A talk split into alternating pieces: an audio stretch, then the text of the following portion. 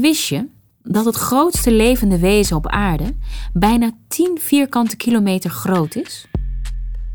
Hij leeft in Oregon, Amerika, en breidt al duizenden jaren zijn macht uit. Lange tijd had niemand hem in de gaten. Zijn netwerk groeide en groeide en vanuit het ondergrondse oefende hij steeds meer invloed uit. Tot hij op een dag ontdekt werd. Dit is Onderaards, een podcast van Rijkswaterstaat over onze bodem, waarin we ondergronds Nederland ontdekken. Dit is aflevering 2. De wereld volgens Worm. Ik ben Tabi. Deze plant ziet er wat pips uit. Nou, als ik deze voorzichtig uit zo'n pot trek. Ja, zie je, de wortels zitten opgesloten. Die grond is volledig benut en uitgeput. Nieuwe aarde vol voedsel zal hem helpen. Zo, dat is beter. Ik hou ervan met mijn handen in de grond te wroeten. Wat zou dat toch zijn? Een aards gevoel? Nou, ken je dat? Zo'n hoofd dat nooit tot stilstand komt? Een hoofd vol lijstjes? Met daarop lijstjes met dingen die nu moeten gebeuren. Maar dan? Ik steek mijn handen in de aarde en alles lijkt rustig te worden. Mijn gedachten kunnen eindelijk vrij dwalen. In dit geval de oceaan over, naar Oregon dus, naar het grootste organisme op aarde. Of eigenlijk in de aarde. Ik las er pas geleden over. En ik stond ervan te kijken. Het is een schimmel. Met een gigantisch mycelium. Een dradenstelsel waarmee voedsel uit de grond wordt opgenomen. En hij zou tussen de 2000 en 8000 jaar oud zijn. Zo. Nou, deze plant kan weer groeien. Wie ook van vroeten in de aarde houdt, is Jeroen Onrust. Hij is bioloog, maar wilde eigenlijk ontdekkingsreiziger worden. Maar het meeste op aarde bleek al ontdekt. Toen begon hij zich maar te verdiepen in de kieviet. Niet vanuit een vogelhut met een verrekijker, maar hij probeerde zich echt te verplaatsen in de vogel. Hij kroop door het weiland om te zien wat de kieviet ziet. En hij ontdekte de worm. Het was liefde op het eerste gezicht. Ik vind het gewoon een fantastisch diertje ook om te zien en, en hoe die zich eigenlijk in zo'n geheimzinnige wereld leeft. Terwijl het is een wereld waarin ook wij leven. Maar we leven eigenlijk gewoon langs elkaar heen. Terwijl die wormen eigenlijk een hele mooie verbinding zijn weer tussen ons en, en ons voedsel, maar ook met vogels en met, met, met andere dieren. En dat vind ik wel fascinerend, dat zo'n klein nederig diertje zo, nou ja, zo groot kan zijn eigenlijk. Langs de hele strook neem ik acht monsters, gewoon willekeurig op een paar plekken. Ja, dus ik steek een plag uit van zo'n nou, zo 20 bij 20 centimeter en ook 20 centimeter diep. En dat, die steek ik helemaal uit en die leg ik op een matje neer. En met de hand ga ik dat helemaal uitpluizen. Ik hem zo intact mogelijk op het kleedje te leggen. Kijk, dit is bijvoorbeeld een typische grijze worm. Um, die kom je eigenlijk overal wel tegen. Maar het zijn juist de rode wormen, dat is dus, dus die andere groep, die heel belangrijk zijn voor je bodemstructuur, voor je bodemvruchtbaarheid en dergelijke. Um, en die vind je steeds minder in het boerenland. Ik heb uh, drie wormen tot nu toe en ze zijn allemaal grijze wormen ook. Ik denk dat dat het, uh, dat opbrengst is uit deze kluit. Dan gooi je het gat weer dicht. Die rode wormen die, die verzamelen al dat organisch materiaal aan het oppervlak. Dus allemaal dode grasprietjes, hè, zoals dit soort materiaal. Dat trekken ze de grond in. En dat uh, wordt daar verder afgebroken. Dus als boer hoef je dan eigenlijk ook, als je veel rode wormen hebt, hoef je zelf minder te doen. Want als je alleen maar grijze wormen hebt, dan moet je eigenlijk ook zelf als boer steeds harder werken om die productie nog een beetje op peil te houden. met mest of met kunstmest of met grondbewerkingen. Terwijl die rode worm die kan dat prima ook allemaal uh, zelf doen. Een babywormpje. Die is echt, nou misschien is hij net de afgelopen dagen uit het ei gekropen. We denken dat we naar, de, naar Mars moeten of, of naar de maan en dergelijke. Terwijl wat ons, onder onze eigen voeten gebeurt, dat uh, weten we nog helemaal niet eens. Maar kijk, deze die is dus in rusttoestand. Die is helemaal bleek en die, uh, die is dus helemaal leeg gepoept eigenlijk. Die, die rode worm die komen dus aan het oppervlakte om voedsel te verzamelen. Want een worm wil eigenlijk niet naar het oppervlak komen, omdat er heel veel wormeneters zijn, hè, al die vogels. Maar ze komen ook naar het oppervlakte. En dat is natuurlijk ook interessant om te paren. Wat, wat ze dan doen, ze komen naar het oppervlak en dan gaan ze zijdelings tegen elkaar aan liggen. Het fascinerende daaraan is dat ze dat niet heel snel doen, maar ze nemen daar echt uren de tijd voor. Dat ze voor de seks eigenlijk zoveel tijd nemen en dan helemaal uh, daarin opgaan ook. Terwijl eigenlijk in zo'n hele gevaarlijke omgeving leven. Um, we kunnen nou eens in dat perceel kijken. Dus dat is een natuurstrook. Uh, het is elke keer spannend. Ook al heb ik dit tig keer gedaan. Kijk, hier hebben we een rooiworm. Kijk, die zijn prachtig mooi donker. Vooral die kop is mooi donkerrood. Ik vind het altijd mooi om die wormen die uh, toch altijd zo'n bescheiden leventje leiden onder de grond. En die niemand echt aandacht schenkt om die dan toch een stem te geven en die onder de aandacht uh, te brengen. Dus uh, dat doe ik dan graag als uh, dokter Worm of als wormenman. Oh, hier is alleen het hoofd van een grijze worm. Dat is een beetje jammer. Dat vind ik altijd het moeilijkste. Als je die spade in de grond steekt, dan uh, je maakt altijd slachtoffers. Dan sta ik wel even te vloeken in het veld.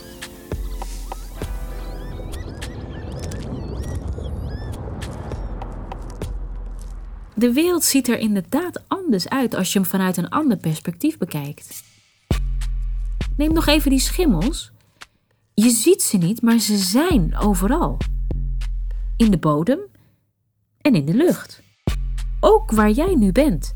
Leg maar eens een stukje appel een paar dagen op het aanrecht. Kijken wie het verslindt. Ze zijn net zo belangrijk voor het leven op aarde als zuurstof. En wat ze echt fantastisch maakt, Schimmels kunnen bomen en planten met elkaar laten communiceren. Een beetje zoals je vroeger als kind met je buurjongen kon, met twee blikjes en een draad ertussen. Als je het touw strak trok, kon je elkaar horen fluisteren over tientallen meters. Nou, die schimmeldraden vormen als het ware een glasvezelnet onder de grond. Via die lijnen worden water en voedingsstoffen herverdeeld naar de bomen en planten die ze het hardst nodig hebben. Die bomen kennen dus solidariteit. Als je de wereld vanuit een ander perspectief bekijkt, ontdek je zoveel nieuws. En wat gebeurt er als je de bodem zelf het woord geeft? In de vorige aflevering leerden we veen als grondsoort kennen. In deze aflevering geef ik graag het woord aan zand. Ja, dank je. Ik ben zand. Gebeurt me niet vaak dat er aan me gedacht wordt. Zich best gek, want ik ben overal. Zonder op te scheppen, ik ben een van de meest voorkomende grondstoffen op aarde. Toch word ik meestal over het hoofd gezien. Behalve dan door kleuters in een zandbak of op het strand. Maar ach, het komt me ergens ook wel goed uit dat ik niet zo opval. Ik ben namelijk nogal op mijn vrijheid gesteld. Ik heb veel gereisd in mijn leven. Eerst was ik steen, dat is wel lang geleden hoor. Was echt niks voor mij. Te massief, saai. Ik zat de tijd simpelweg uit tot ik eindelijk veranderde in zand. En weg was ik. Ik liet me meevoeren op de wind. Wiegen door de getijden. Ik lifte op gletsjers mee. Ik liet me meeslepen door oerrivieren waarvan niemand de naam meer weet. De mens is kort van memorie per slot van rekening. Ik niet. Lange tijd werd ik woeste grond genoemd. Jullie bedoelden dat niet per se als een compliment. Er was geen land met me te bezeilen. Jullie noemden me schraal, onvruchtbaar, droog, waardeloos als landbouwgebied. Niks aan te verdienen. Ik zag het als een geuzennaam. Woeste grond. Ik bestreek in Nederland enorme gebieden waar ik vrij mijn gang kon gaan. Onherbergzaam was ik. Ik was er niet eenzaam. Nee, verre van dat. Ik trok mijn eigen vrienden aan. Geen allemansvrienden. Alsjeblieft niet. Nee, bijzondere types die mijn schrale karakter omarmden in plaats van verfoeiden. Struikheide, IJslands mos, de duinpieper. Onaangepaste types zijn mijn vrienden. Die niet van eindeloos sappige graslanden houden, maar het beter doen op los zand. Ze vonden mij goed zoals ik was. Jullie niet.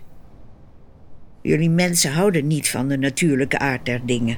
Je kan er de zandloper op gelijk zetten, zeker bij Nederlanders. Jullie vormen het land naar jullie eigen wensen. Kunstmest werd uitgevonden en Nederland was al snel de grootgebruiker van de wereld. Ik werd vruchtbaar gemaakt. Goed voor de landbouw. Maar mijn vrienden, de tapuit, het IJslandsbos, de heide, moeten niets van mijn nieuwe vruchtbare ik hebben. Die worden ook zo veroordelend. Je kan dat zo toch tegenwoordig niet meer zeggen. Ik bedoel, wie bepaalt eigenlijk wat vruchtbaar is? En voor wie? Ik trek nu alleen nog maar gangbare soorten aan. Van die populaire jongens, je kent ze wel. Pijpenstrootje en zo. Ze overwoekeren mij volledig. Ze verjagen de zeldzame dieren. Tja, ik voel me best een beetje eenzaam nu, moet ik bekennen. Nu ik toch mijn hart lucht, moet ik jullie trouwens even waarschuwen. Want jullie drogen me ook uit. Ik begrijp het wel. Jullie hebben water nodig om gewassen mee te besproeien en voor de drinkwatervoorziening. Maar jullie hebben zoveel water nodig. Zoveel water. En nu met die hete zomers. Ik verdroog. Ik heb daar zelf niet zo last van. Ik ben zand, weet je nog? Ik heb in principe niks nodig. Maar ik zeg het toch maar, want de tijd begint te dringen. Als je het mij vraagt, moet het allemaal anders. De hele organisatie van dit land. Maar wie ben ik? Weet je, eigenlijk maakt het mij ook niet uit. Ik laat me desnoods weer meevoeren naar andere oorden. Naar de woestijn misschien wel.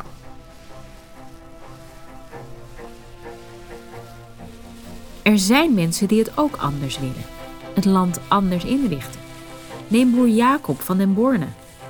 Hij is de uitvinder van Frietje Precies. De aardappel, hè? Ik ben groot geworden met aardappels. Aardappels uh, is mijn passie en uh, zorgt ook voor dat ik dit allemaal kan doen. Neemt niet weg dat ik dus ook met andere, andere teelten begonnen ben. Het Frietje Precies project gaat dus over een perceel uh, van 5 hectare waar van elk van, van de aardappelen, de zoete aardappelen en de pastinaak, elk een hectare geteeld wordt. Op dat perceel gebruiken we geen kunstmest meer en telen wij uh, verschillende gewassen op één veld door elkaar heen. We hebben de friet vorig jaar gelanceerd op de Dutch Design Week in Eindhoven. En we hebben hele goede reacties gehad. Ik vind het lekker, maar ik vind het concept heel leuk bedacht. Ja, er zijn dan drie verschillende frietjes, maar het smaakt gewoon uh, ja, goed eigenlijk. En Frietje Precies is dus een, een diepvriesfriet die voor de horeca en evenementen uh, verkocht wordt als een product wat 100% bodemvriendelijk en 100% boervriendelijk is. Ik heb hier de agenda van mijn grootvader. Het is een groot boekje. Mijn grootvader schreef namelijk elke dag op wat hij deed, waarom dat hij dingen deed, hoeveel dat hij deed en wat hem daarbij opgevallen was. Als ik een stukje voorlees, uh, bijvoorbeeld, dit is uh, 1959, op, uh, op 4 april, een zaterdag, heeft hij 850 kilo kali gezaaid. En hij heeft uh, gezegd dat het een, droog was en dat de velden er goed bij lagen. Nou, precisielandbouw is precies, gaat eigenlijk precies daarom. Hè. Wij willen door middel van de registraties erachter komen of we dingen goed doen en of we dingen nog beter zouden kunnen doen.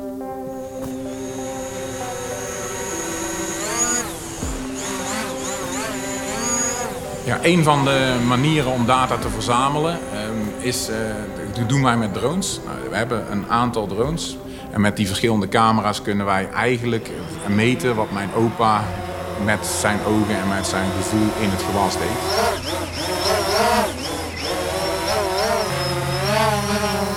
De vervolgstap is dan om die data om te zetten in taakkaarten. Dus een kaart waarop staat welk plantje wat nodig heeft. En dan plantspecifiek die gaan toepassen. Nou, ook daar hebben we afgelopen jaar een aparte spuitmachine voor aangeschaft.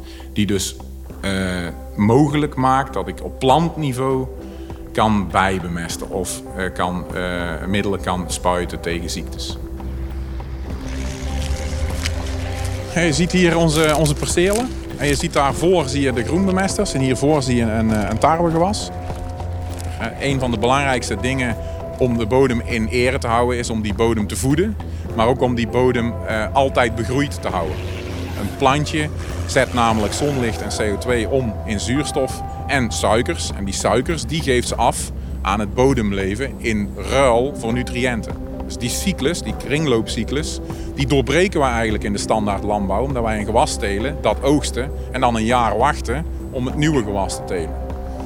Door middel van groenbemesters en aanvoeren van extra meststoffen en organische meststoffen kunnen, slagen wij erin om die bodem weer uh, kwalitatief beter te maken. Dus wat mijn grootvader in, uh, na de ontginning van de heide en de bossen in 40 jaar voor elkaar heeft gekregen, hebben wij de laatste generatie zien verslechteren en probeer ik nu aan de hand van precisielandbouw weer op peil te krijgen. Ik probeer eigenlijk door middel van die technologie de, de landbouw en, de, en, en eigenlijk alles klaar te maken voor de volgende generatie. En ik, ik zeg wel eens grappend dat we over 30 jaar eigenlijk nog maar drie type machines hebben op, de, op mijn landbouwbedrijf. En dat is dan de, de robot worm, de robot mier en de robot bij. En met die drie kan ik alles. Frietje precies. Ik word er wel vrolijk van. Verschillende kleuren, smaken en vormen. Wie wil er nou monocultuur op zijn bord? Dit was aflevering 2 van Onderaards. Wil je meer weten over communicerende bomen? De problemen in de zandbodem of waar je frietjes precies kunt scoren? Check dan de show notes in je podcast-app. En luister ook naar de volgende aflevering. Daarin stuit ik op kabelspaghetti. Maar al die kabels hebben een andere eigenaar. En al die eigenaren zijn verantwoordelijk voor hun beheer en onderhoud en vernieuwen van die kabels. En dat betekent ook dat te pas en te onpas kan je verwachten dat in een straat de boel wordt opengebroken om die kabels en leidingen te repareren en te vervangen. En die worden dan, als je niet oplet, ook weer heel slordig dichtgelegd. Ontmoet ik de duurste grond van Nederland? Ja, oké. Laten we beginnen met wie ik ben. In één woord, ik ben een toplocatie. Dat is wel mijn premium quality, ja. En leer ik alles over hoe je schimmels nog meer kunt inzetten. Na je dood bijvoorbeeld als levende kist. Vrienden die gingen dan werken bij uh, grote bedrijven. En dan ging ik zeg maar een levende doodskist maken in de schuur van mijn ouders. Vond je de aflevering interessant? Abonneer je dan of tip hem ook aan je buurman, of moeder, of collega, of beste vriend. Onderaards is gemaakt door Aldus Producties voor Rijkswaterstaat. En ik ben Tawi. Tot snel!